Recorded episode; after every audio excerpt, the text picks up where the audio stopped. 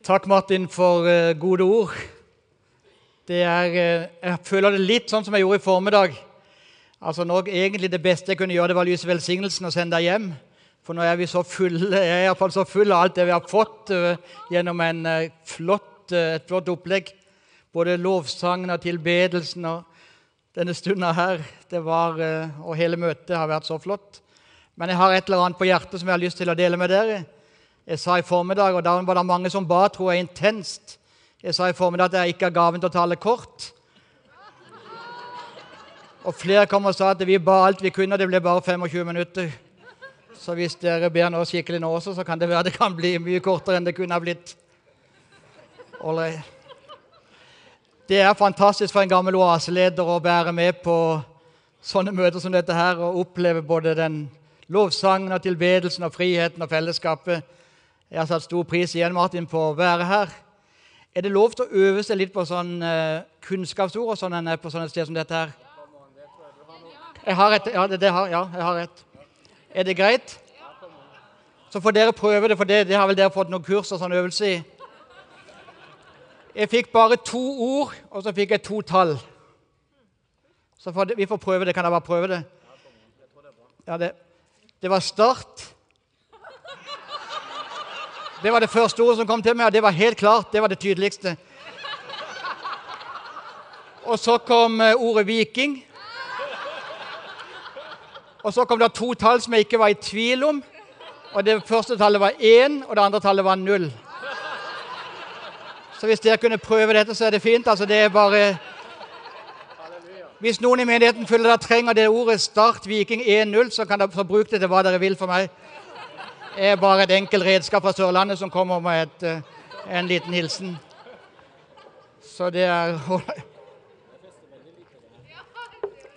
Da har jeg ikke flere eh, kunnskapsord foreløpig. Da får jeg heller komme tilbake til noe mer eh, etter hvert hvis det skulle bli nødvendig. Men da har dere fått det, ikke sant? Så det er greit. Jeg sa i formiddag og gjentar det med glede nå, at det er fantastisk å ha fulgt denne menigheten. Vi alle sammen, både i min alder og dere som er yngre i forsamlingen, vi har alle en veldig tendens til å bli historieløse. Og vi tenker Når vi er med på noe så fantastisk som dette her nå i Ime-kirka i kveld, så tenker vi at sånn har det jo alltid vært. Sånn har det absolutt ikke alltid vært, verken her eller andre steder. Det er noen som bygde Jeg ble kjent med Martin første gang jeg var lærer på bibelskolen i Staffels gate i Oslo. Og på det første kullet av studenter jeg hadde, der var Martin David Cave. Jeg skal ikke si hvordan han var da, men det var mange ting som kan bli sagt om det også, uten at det er kunnskapsord, for det er jo virkelig sånn vitnesbyrd. Men jeg hadde Martin, jeg hadde Martin David Cave på første året på bibelskolen. Han var relativt eh, frisk og frimodig allerede da, og var ellers en fin gutt. Skal ikke si noe mer om det. Det er artig å ha, ha hatt Martin og fulgt og sett hva som skjedde når han dro tilbake til Stavanger og begynte med den evangeliseringsgruppa Thomas, og hvordan dette utvikla seg, og hva det ble mer og mer, hvordan Gud ga vekst. hvordan det var, Hva het det andre, gaten, andre huset der var nede i byen? Og så eventuelt endte her. Og så var det flott under den spesielle Det ble grepet av lovsangen i dag på en spesiell måte.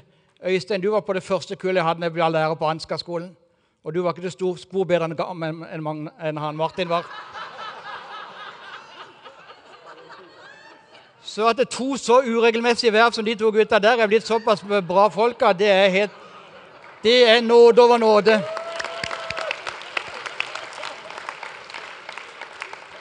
Det er helt utrolig. Jeg har den, eh, det privilegiet må jeg si, at jeg reiser rundt eh, stort sett eh, hele tida, holdt jeg på å si. Er borte flertallet av helgene i år og veldig mange sommeruker og besøker hele, hele kristenlivet, eller hele bredden av norsk kristenliv. Og det er, eh, Av og til så lurer jeg på hva skal jeg egentlig si, og Gud, hva er det du har lagt på hjertet for meg for å si denne kvelden her? Akkurat noen ganger når det er sånn, så tenker jeg at nå skulle jeg hatt min sønn Øystein her. Jeg har en flott sønn på 29 år som heter Øystein. Og Øystein han var på toppen av sin åndelige karriere da han var 8-9 år gammel. Han er faktisk aktiv kristen fortsatt, men da var han virkelig i støtet, og da var han virkelig på hugget. Øystein, min sønn, han eh, hadde som fast rutine når jeg skulle ut og reise annenhver eller hver helg gjennom årene, så ville han sende meg ut med håndspåleggelse og bønn.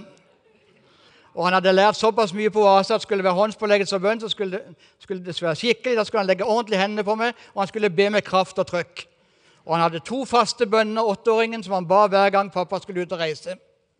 Og Den første bønnen var følgende.: Kjære Gud, nå ber jeg deg for pappa når han skal ut og tale ditt ord, at du, Jesus, må bli stor. Og Så sa han eh, amen til det, og så tok han enda mer sats. Og så sa han, så ber jeg deg inderlig, kjære Jesus, at ingen skal erte pappa fordi han har så lite hår.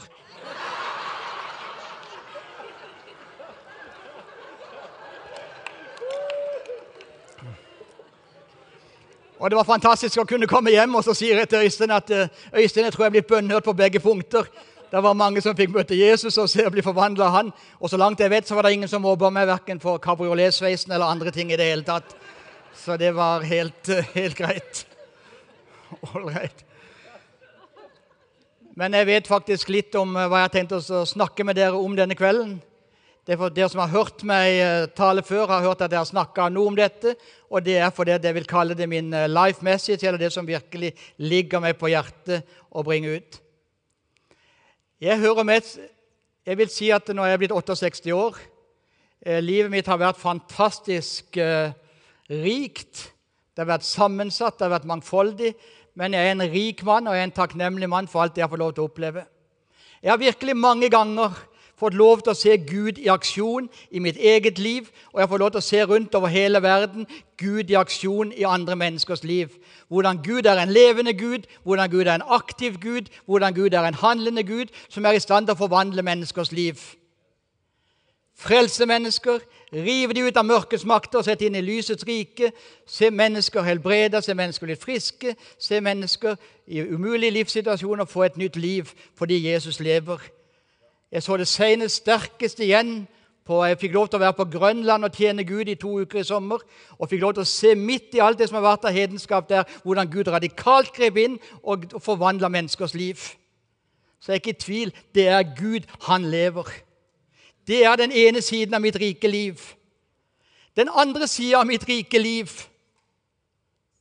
det er det at jeg gjennom hele mitt liv, midt i alt det jeg har sett og alt det jeg har gjort, har opplevd Sykdom på sykdom på sykdom. Jeg har hatt så mange sykdommer som jeg egentlig kunne dø av. Og så mye lidelser og så mye som har fulgt meg. At det har vært til tider slitsomt å være så syk karismatiker. Det er slitsomt å være syk karismatiker i perioder. Når alle skal be for deg, og alle ønsker bare det beste for deg, og at det likevel ikke skjer noe tilsynelatende. En blid sørlending som dere ser, som ønsker at alle skal ha det sabla greit. Og selv om jeg har ønska hele mitt liv at alle skal ha det sabla greit, så har det blitt konflikter rundt meg. Noen har ikke vært uenige, noen har vært uenige. Noen har konflikter på jobb, det har vært konflikter i menigheter, det har vært konflikter ulike steder. Og når jeg kom til det punktet hvor det ikke bare var der oppe, men når det var såpass mye sykdom og såpass mye smerte og såpass mye konflikter, så sa jeg til Gud Gud, det er flott å være sammen med deg når er seier, men jeg trenger en tro. Jeg trenger et gudsbilde. Jeg trenger en måte å leve som kristen på som, som rommer det alt sammen som rommer seirene, som rommer gleden, som rommer takknemligheten, som rommer alt det på toppen. Men også som er der, så jeg har noe å hvile på, så jeg har noe å falle ned på når det ikke fungerer, og når det er så mørkt at jeg ikke ser det engang, Gud, og kanskje ikke tror at du eksisterer engang. Og Så ropte jeg til Gud, og så sa jeg, Gud, nå orker jeg i alle fall ikke mer herlighetsteologi hvor jeg må fuske med livet, og hvor jeg bare skal finne en rask bekjennelse og si et eller annet som ikke det er dekning for. Det vil jeg iallfall ikke ha. Og så tror jeg, jeg sa, jeg vet ikke om jeg sa det litt spøkefullt, men så sa jeg til Gud Og så ønsker jeg, orker jeg iallfall ikke mer luthersk elendighetsteologi. Hvor alt bare blir dårlig, og hvor alt bare er elendighet, og hvor det ikke er noe håp omtrent i det hele tatt. Men jo uslere det er, jo bedre er det. Ikke ønsker jeg den herligheten der, og ikke ønsker jeg den elendigheten borti her. Gud, jeg ønsker noe på midten. Jeg ønsker en ærlighetsteologi. Jeg ønsker ærlighetsteologi, jeg ønsker en sannferdighetsteologi, jeg ønsker en virkelighetsteologi som klarer å holde sammen både gleden, både seieren, smerten, lengslene, alt sammen, og som bærer det i seg en tro som er så slitesterk at den holder under alle forhold, om jeg er der eller der, eller om jeg er midt imellom, som jeg ofte er. Og Så begynte jeg å studere gå inn i dette her, og så oppdager jeg plutselig at er det noe som er viktig i livet, og er det noe som er viktig i teologien, og noe som er viktig i Bibelen, så er det å holde fast paradoksene. Og Jeg har tenkt å starte preken min i kveld med å slå et slag for paradoksene. Paradoksene i livet, paradoksene i menigheten, paradoksene i Skriften. Dette de tilsynelatende motsetningene. Hva er tegnet, mine kjære venner, på en moden personlighet? En moden personlighet er en som har flere farger i fargeskrinet enn svart og hvitt. Det er en som har nyanser i fargeskrinet sitt. Det er en som kan holde sammen mange forskjellige ting i livet sitt på en gang. Hvis du bare har svart og hvitt og bare maler i svart og hvitt og holder på med det lenge nok, så får du en diagnose. Nå skal jeg ikke snakke om den i kveld, men det er en diagnose faktisk for det også. Hvis det blir veldig svart og hvitt, hvor det ikke er noen nyanser. Men den modne personligheten den våger å holde fast på hele bredden og alle fargene. Og ser at det, livet rommer det alt sammen. Og Sånn er det jo i kristenlivet også. Kristenlivet er fullt av paradokser, tilsynelatende motsetninger. Og så har jeg gjort en oppdagelse at mens vi blir livredd for paradoksene, for spenningene, for de tilsynelatende motsetningene, så gjør vi hva vi kan for å holde de fra hverandre, for å oppheve hele spenningen. Og så går vi enten i den grøfta eller i den andre grøfta. I stedet for å se at det er nettopp når jeg våger å stå i paradokset, det er når jeg våger å stå i spenningen, at det livets dynamikk finner sted. Dynamikken, folkens, den er i spenningen. Dynamikken er i paradokset. Dynamikken er ikke når jeg opphever paradoksene og havner i den ene eller den andre grøfta. Den jeg våger å bruke hele fargeskrinet og holde sammen alt. Der er fremgangen, og der er dynamikken. Skriften er full av paradokser. Arbeid på deres frelse med frykt og beven. Arbeid på deres frelse med frykt og beven. Stå nå på, folkens! Stå nå på, arbeid nå. Og så kommer de samme åndedrett. For Gud er den som virker. Så er jo begge deler sant. Så kan jeg bli så hvilende at jeg ikke får gjort noen ting. Verken for rettferdighet eller andre ting. Eller så kan jeg bli så aktiv at jeg sliter meg helt ut i egen kraft. Arbeid på deres frelse med frykt og beven, for Gud er den som virker i dere. Eller det kanskje største av alle paradoksene i Skriften der Paulus triumferende sier når jeg er svak, da er jeg sterk. Det er på en måte meningsløst å si noe sånt. Og Samtidig så ligger hele dynamikken i det kristne livet og hele dynamikken i den kristne menighet ligger nettopp i det paradokset, i den spenningen, at når jeg er svak, da er jeg sterk. Vi skal lese en tekst sammen fra 2. Korintiabrev kapittel 12, fra vers 6 i Jesu navn. 2. Korinterbrev 12, fra vers 6. Dere som har Bibel, kan ta det med. Jeg ser at det er mange som kan dette utenat.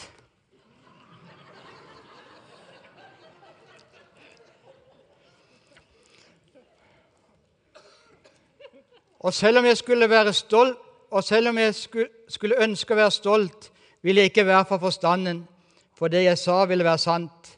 Men jeg lar det være, for jeg vil ikke at noen skal gjøre seg større tanker om meg enn de får når de ser og hører meg. For at jeg ikke skal bli håndmodig pga. de høye åpenbaringene, har jeg fått en torn i kroppen, en Satans engel som skal slå meg, for at jeg ikke skal bli håndmodig. Tre ganger ba jeg Herren om at jeg måtte bli tatt fra meg, men han svarte, Min nåde er nok for deg, for kraften fullendes i svakhet. Derfor vil jeg helst være stolt av mine svakheter, for at Kristi kraft kan ta bolig i meg. Og derfor er jeg fylt av glede når jeg for Kristi skyld er svak, blir mishandlet, er i nød, i forfølgelser og i angst. For når jeg er svak, da er jeg sterk. Hva betyr dette folkens, for oss som enkeltmennesker, og hva betyr det for oss som menighet? Når jeg er svak, da er jeg sterk. For jeg begynner helt allmennmenneskelig i en vanlig hverdagssituasjon. Jeg har en uh, veldig god venn, kamerat, gjennom mange, mange år. Den kameraten skiller seg litt ut fra en del andre venner jeg har, på den måten at han bedre enn noen annen er så kjempegod til å karakterisere personer og situasjoner. Når han har møtt en person som jeg kjenner, eller vært et sted som jeg kjenner meg igjen i, så sier jeg 'Yes! Akkurat sånn er det.' Akkurat sånn er det. Akkurat sånn er han, eller akkurat sånn er hun. Og Denne kameraten min han beskrev naboen sin, som bodde på andre sida av hekken, på følgende måte. Han sa altså, Kameraten min sa om naboen sin Den fyren, altså naboen, den fyren, han har mye kjærlighet og omsorg til gode.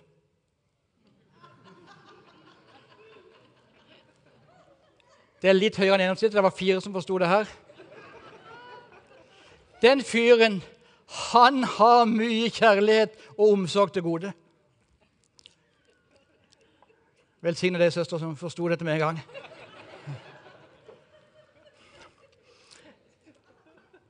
Jeg skjønner Nei, nå kommer jeg helt ut av det. Jeg hadde selv, det jeg skulle si, det var dette. Jeg hadde sjøl registrert at bak et tilsynelatende velpleiet ytre så bar denne fyren på noe tungt. Han holdt folk på armlengdes avstand, vekselvis gjennom med fleip og vekselvis med upersonlig preik. Fordi han ikke våget å invitere andre mennesker inn i sitt liv, så fikk han heller ikke erfare andre menneskers nærhet, godhet og omsorg. Det lå et osean av kjærlighet og det lå et osean av godhet og venta på fyren. Han hadde mye omsorg og kjærlighet til gode, denne min venns nabo.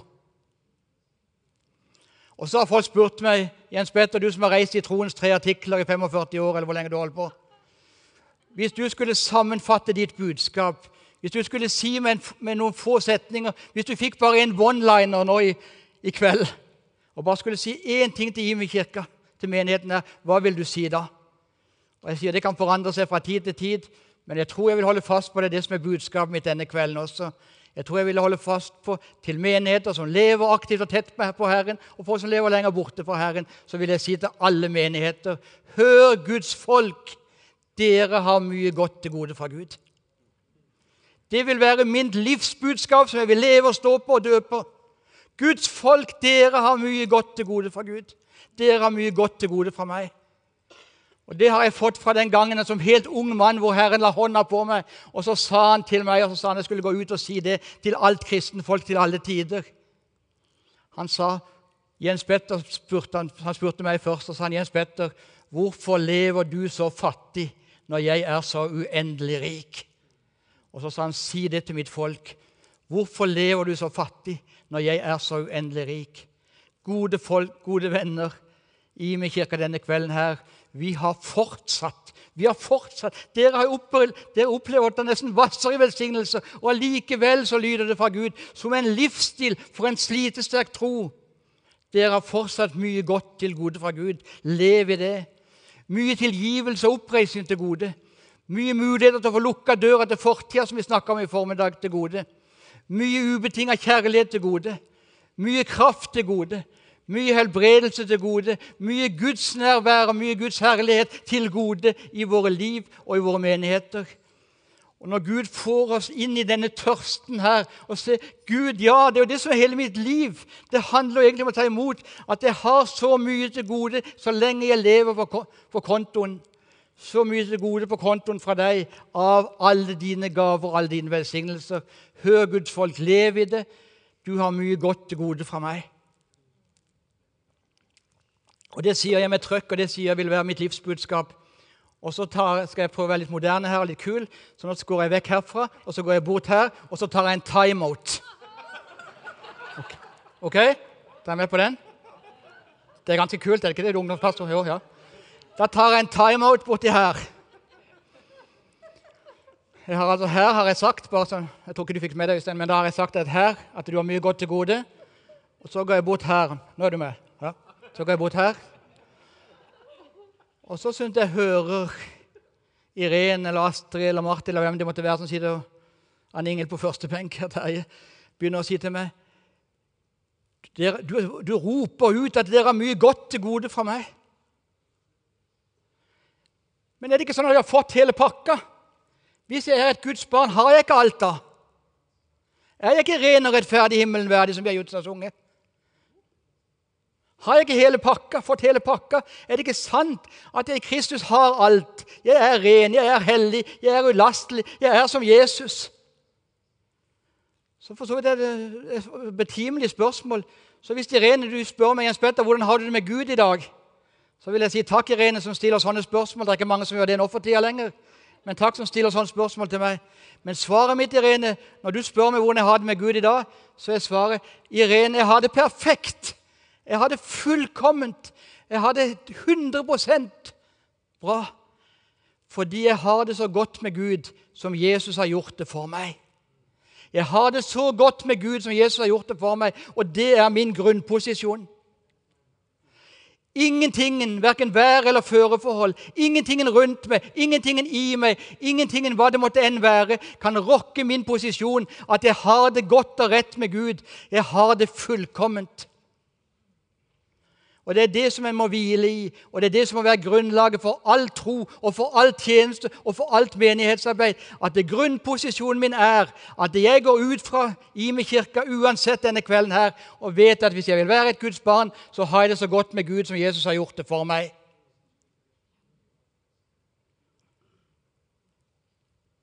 Time-out over, så er jeg tilbake igjen her.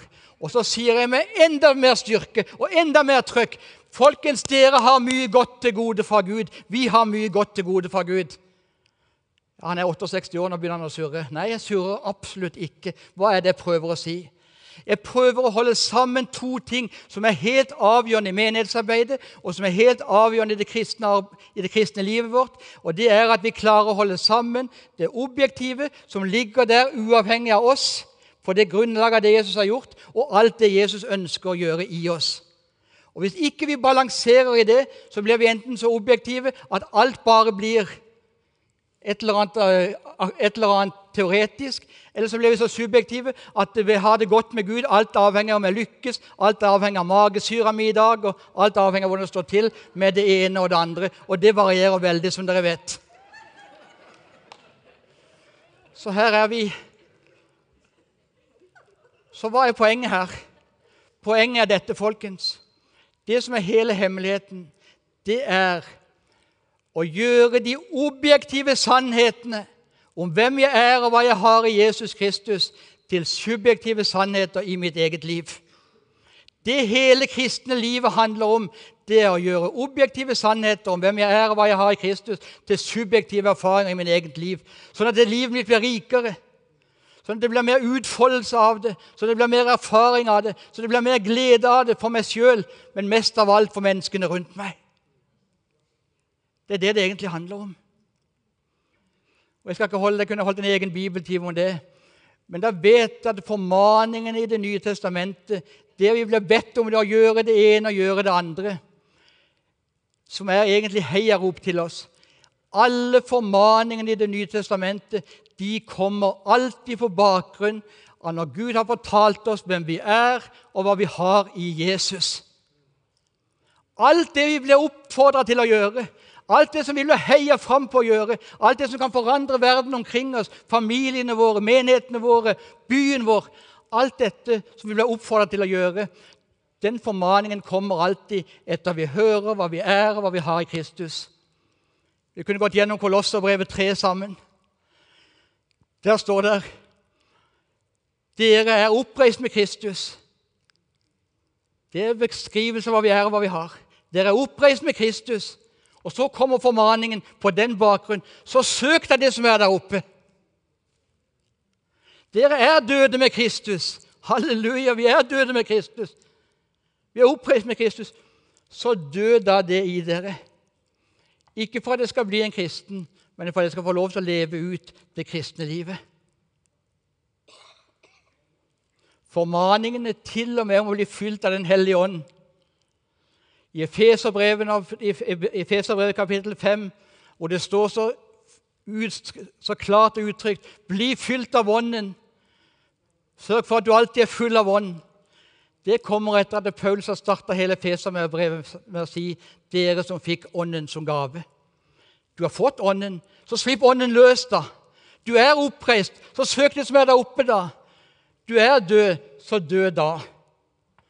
Og I denne balansen her jeg tenker at Den viktigste inspirasjonen til å leve et annerledes liv, til å vinne verden, til å forandre byen, til å forandre familiene våre, til å forandre omgivelsene våre, det er å leve på formaningene ut fra hva jeg er og hva jeg har i evangeliet og i Kristus. Det er det som på fint teologisk kalles teologiske indik evangeliske indikativer og evangeliske imperativer. Indikativene forteller hva jeg er og har i Kristus, og imperativene sier det som Martin Luther sier, at det kristne livet handler egentlig bare om én ting å bli det du allerede er. Det kristne livet handler om å bli det du allerede er. Folkens, nå er jeg tilbake. Vi har mye godt til gode fra Gud, som Gud ønsker å skjenke oss hver eneste dag. Som han ønsker å skjenke oss i familiene våre, i de sammenhengene vi står. Og så er det bare én hake ved det, eller en utfordring ved det. Og det er at det er bare den som våger å tale sant om livet sånn som livet egentlig er, får den hjelpen den egentlig har behov for. Våge å tale sant om livet sånn som livet egentlig er. Ikke sånn som jeg trodde det burde ha vært. Ikke sånn som predikanten beskriver det suksessfulle kristne livet, men sånn som livet mitt faktisk er her og nå. Tale sant om dette livet sånn som det er her og nå. Det er utgangspunktet. Tale sant om livet mitt sånn som det er. Og det må være lov å si det på, i en sånn kirke som dette her, at hvis jeg skal si litt om mitt liv, så er det en salig blanding. Det går an å si. ikke sant? Det er en salig blanding. Mitt liv er en salig blanding av glede, av takknemlighet, av seier, av jubel, av halvhet, av lunkenhet, av tvil, av vantro, av kamp, av nederlag, av sykdom, av lengsler og drømmer. Men de kommer jo ikke sånn på flott på rekke og rad. De er surra sammen i et eneste sammensurium. Og det er alt dette salige, sammensatte livet mitt, det er det som skal møte Gud. Det er det jeg skal tale sant om. Det er det jeg skal tale sant om, og det er det som skal møte, møte Guds nåde. Jeg kan fortsette å snakke om at vi alle er syndere. Gud, nå må du tilgi oss. Men å tale sant om livet mitt er å si at det er Jens Petter Jørgensen, som har vært betalt i 25 år for å reise i åndelig fornyelse Jeg skjønner fremdeles at, ikke, at jeg faller i synd om igjen og om igjen på punkter jeg ikke burde falle. Det er å tale sant om livet mitt. At jeg fremdeles opplever at det blir kull i relasjonene, at det blir avstand i relasjonene. At jeg fremdeles opplever at det er vanskelig å få den kraft og skulle se at mennesker blir forvandla rundt meg.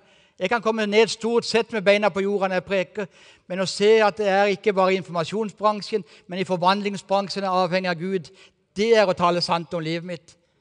Sant om livet mitt på alle områder, i all dets sammensatthet. Det er det det handler om.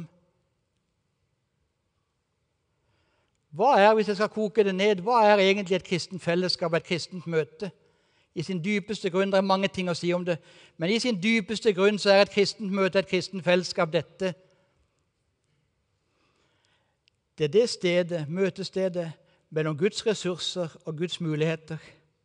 Alle Guds ressurser og alle Guds muligheter og livet mitt sånn som livet mitt faktisk er.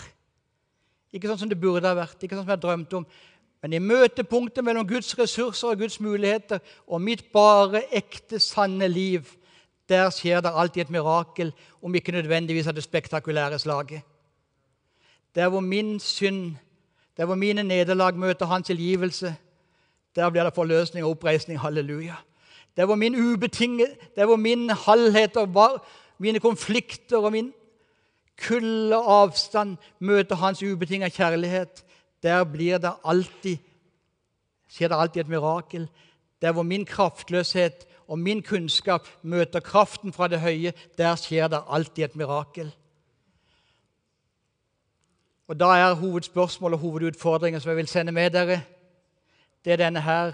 Hvordan kan vi i små grupper, hvordan kan vi i større fellesskap, hvordan kan vi i det hele tatt når vi kommer sammen, skape en atmosfære, skape et klima hvor flere og flere får mer og mer mot til å tale mer og mer sant om livet, sånn som livet faktisk er?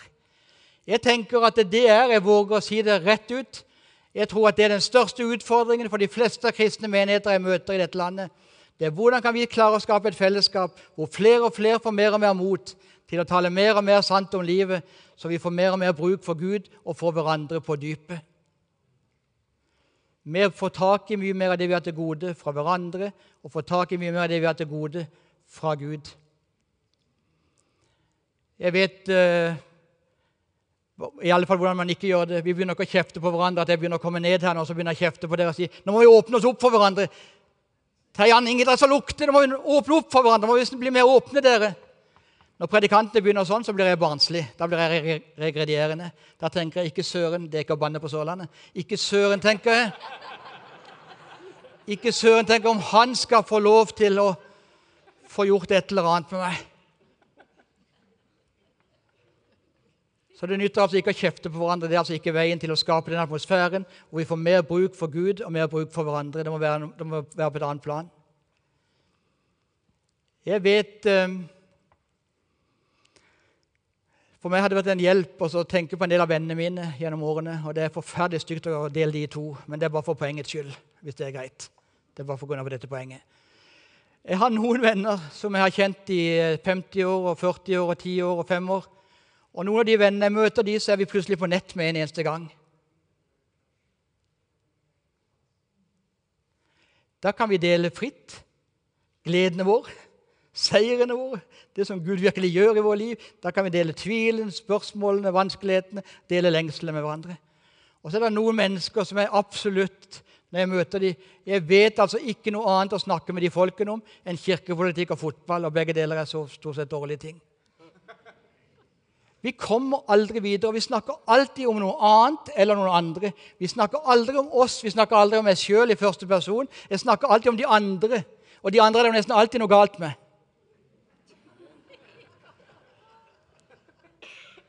Det er jo én ting at vi snakker om de andre, men det er jo så regel noe galt med de òg.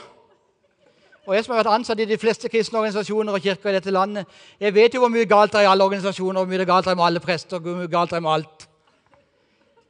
Men så lenge vi holder samtalen der ute med det som er galt hos de andre, så får jo jeg aldri behov for det vi, du, du, gode, du, og jeg har til gode hos hverandre. Og vi får aldri bruk for det vi har til gode hos Gud. Og så blir det et utvendig fellesskap. Hvordan kan vi få tak i virkelig på dypet alt det vi har til gode hos hverandre? Hvordan kan vi få dype fellesskapet vårt?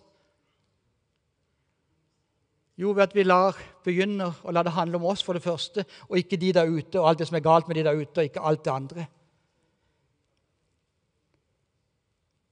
Jeg har, eh, I den grad jeg har gjort noe forskning i livet Det er, alt, er veldig sterkt ord, hører jeg når jeg sier det nå. Men i,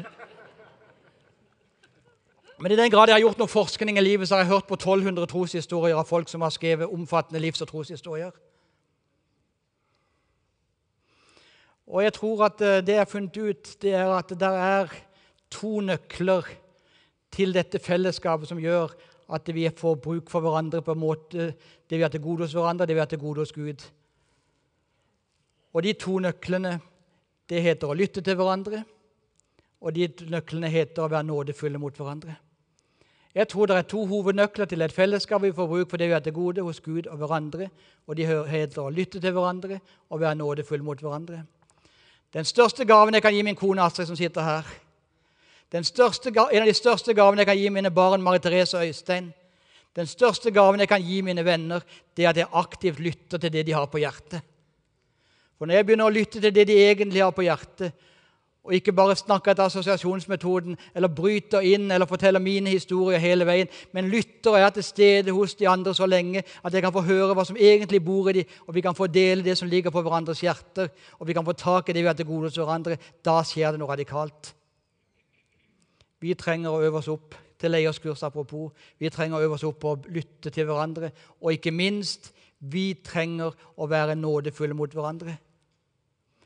Og Jeg tenker at det er det som er det viktigste, og det har jeg møtt mye av her, og det må da fortsette med. Det som er det viktigste, og som skaper den største forandringen, hvor vi får bruk for hverandre og får bruk for Gud, det er at nåden kommer fra hodet og ned i hjertet og blir en virkelig del av oss. Jeg vet utmerket godt når mennesker ikke er nådefulle mot meg. Da har jeg følelsen med en eneste gang at jeg ikke er god nok, eller nå var det ikke godt nok nå igjen. Men når jeg møter nådefulle mennesker, så løftes jeg opp. Og nådefulle mennesker det er de som kommer som Jesus kommer, på hans vegne, og sier til meg, 'Jens Petter, jeg vil deg vel. Jeg er for deg.' 'Jens Petter, jeg vil deg vel.' Sier 'Øystein, jeg vil deg vel. Jeg er for deg.' Og etter jeg har sagt det, så kan, til, så kan det godt være vi kan snakke med hverandre, vi kan rette hverandre, oppmuntre hverandre til forskjellige ting. Men utgangspunktet for forandringen og utgangspunktet for at vi kan dele det vi har til gode hos hverandre, det er at vi er for hverandre, at vi viser den nåden som Jesus viser. At vi kommer i Guds sted og sier 'Jeg er for deg'. Folkens, Det er mange mer, flere ting jeg kunne ha sagt og skulle ha sagt om dette. Jeg skal slutte der. Men det jeg skal slutte med å si, det er altså dette her. Folkens, på den grunn at han har gjort alt ferdig, på den grunn at vi har, gjort, har det så godt med Gud som Jesus har gjort det for oss, så har vi allikevel mye godt til gode å ta ut. Og Jeg ønsker på denne menigheten som har tatt ut så mye, at de fortsetter å leve i dette slitesterke kristenlivet, holde fast på det objektive som ligger der uansett, og rope og ta til dere og la han motta for han alt det dere har til gode. Og jeg tenker denne kvelden her når jeg ba over dette i ettermiddag igjen, så tenkte også ut fra det vi snakka om i formiddag Der er en god del mennesker i denne salen her som har tilgivelse, forløsning, oppreisning til gode. Der er en del mennesker som har det til gode at Herren ønsker å lukke døra til fortida di. Enten pga. din bitterhet eller pga. dine uoppgjorte synder. Det finnes mennesker som lever her i konflikter, og som har avstand til mennesker, som har holdt på et forhold som har vart veldig lenge, og som har ny kjærlighet og ubetinga kjærlighet til gode fra Gud. Og Så trenger vi det om igjen og om igjen, ikke minst å drive et arbeid som dere driver her. Så er det mange som har enda mer av kraften fra det høye til gode. Dere er blitt så flinke etter hvert at dere kan så mye. Men det som driver det dypest sett, det er kraften fra det høye. Og mange har kraft fra det høye til gode. Nådegaver, utrustning. Tenn på ny opp den nådegave som er i deg, som du fikk ved min håndspåleggelse og bønn, som Paulus sier. Jeg tror det er noen som har helbredelse til gode i kveld.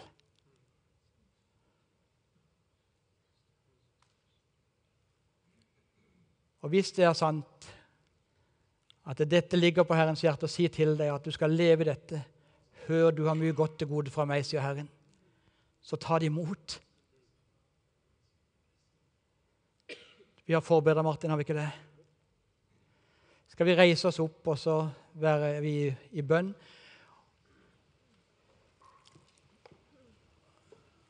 Og Jeg har tenkt å gjøre det sånn at jeg skal be kort nå for oss alle sammen i salen, eller ut fra de som behovene i salen. Og så tenker jeg at etter hvert som vi begynner å lovsynge, så går det bort til forbedere. Og hvis Gud har sagt til deg at eh, 'Jeg har ny kjærlighet til gode', 'Jeg har mer kjærlighet til gode', i den relasjonen, så går du bort og så blir du bedt for. Dette er Guds tiltale til deg i kveld. Dette er konkret det Gud har på hjertet for deg i kveld. Det kan være det kommer mange andre kunnskapsord, men dette er det Gud virkelig har for deg. Trenger du å si til en forbilde Herre, jeg trenger også å få lukka døra til fortida. Jeg trenger ny kjærlighet. Jeg trenger ny kraft. Jeg tror jeg har kraft til gode. Jeg har et helbredelse til gode. Jeg har nytt liv til gode. Så kom til forbedrerne og si jeg vil gjerne ta imot jeg har alltid deg, Jesus, men jeg vil ta imot alt det jeg har til gode også. Må Herren velsigne dere til å leve i det livet hvor du har alt og samtidig har mye til gode. Det er å leve i paradoksene, og det er paradoksene livet går fremover. La oss be. Herre Jesus Kristus, vi ber nå for hver enkelt som er her. Vi takker og priser deg fordi at vi har det så godt med deg hvis vi vil tilhøre deg. Vi har det så godt med deg som du har gjort det for oss, som Jesus har gjort det for oss. Det priser vi deg for, det takker vi deg for, det sier vi halleluja for. Og så ber vi deg, gode Gud, om at du skal få lov til å på den kontoen ta ut det vi har til gode. Jeg ber deg du skal gi mot til å komme og så få lukka døra til fortida og få den tilgivelsen mange har til gode i salen denne kvelden. her. Jeg ber deg for kjærligheten de har til gode, at de skal få lov til å ta imot den. Jeg ber deg for den nye kraften og utrustningen som folk skal få lov til å tjene meg i uka som kommer. At mange skal få ta imot den. Jeg ber deg om helbredelse, Herre, om nytt liv og oppreisning. Kom, Hellige Ånd, og gjør ditt verk. Da synger vi der vi lovsang, og så går forbederne der, og så går de bort til forbederne. Og så takker jeg for meg. Gud velsigne dere.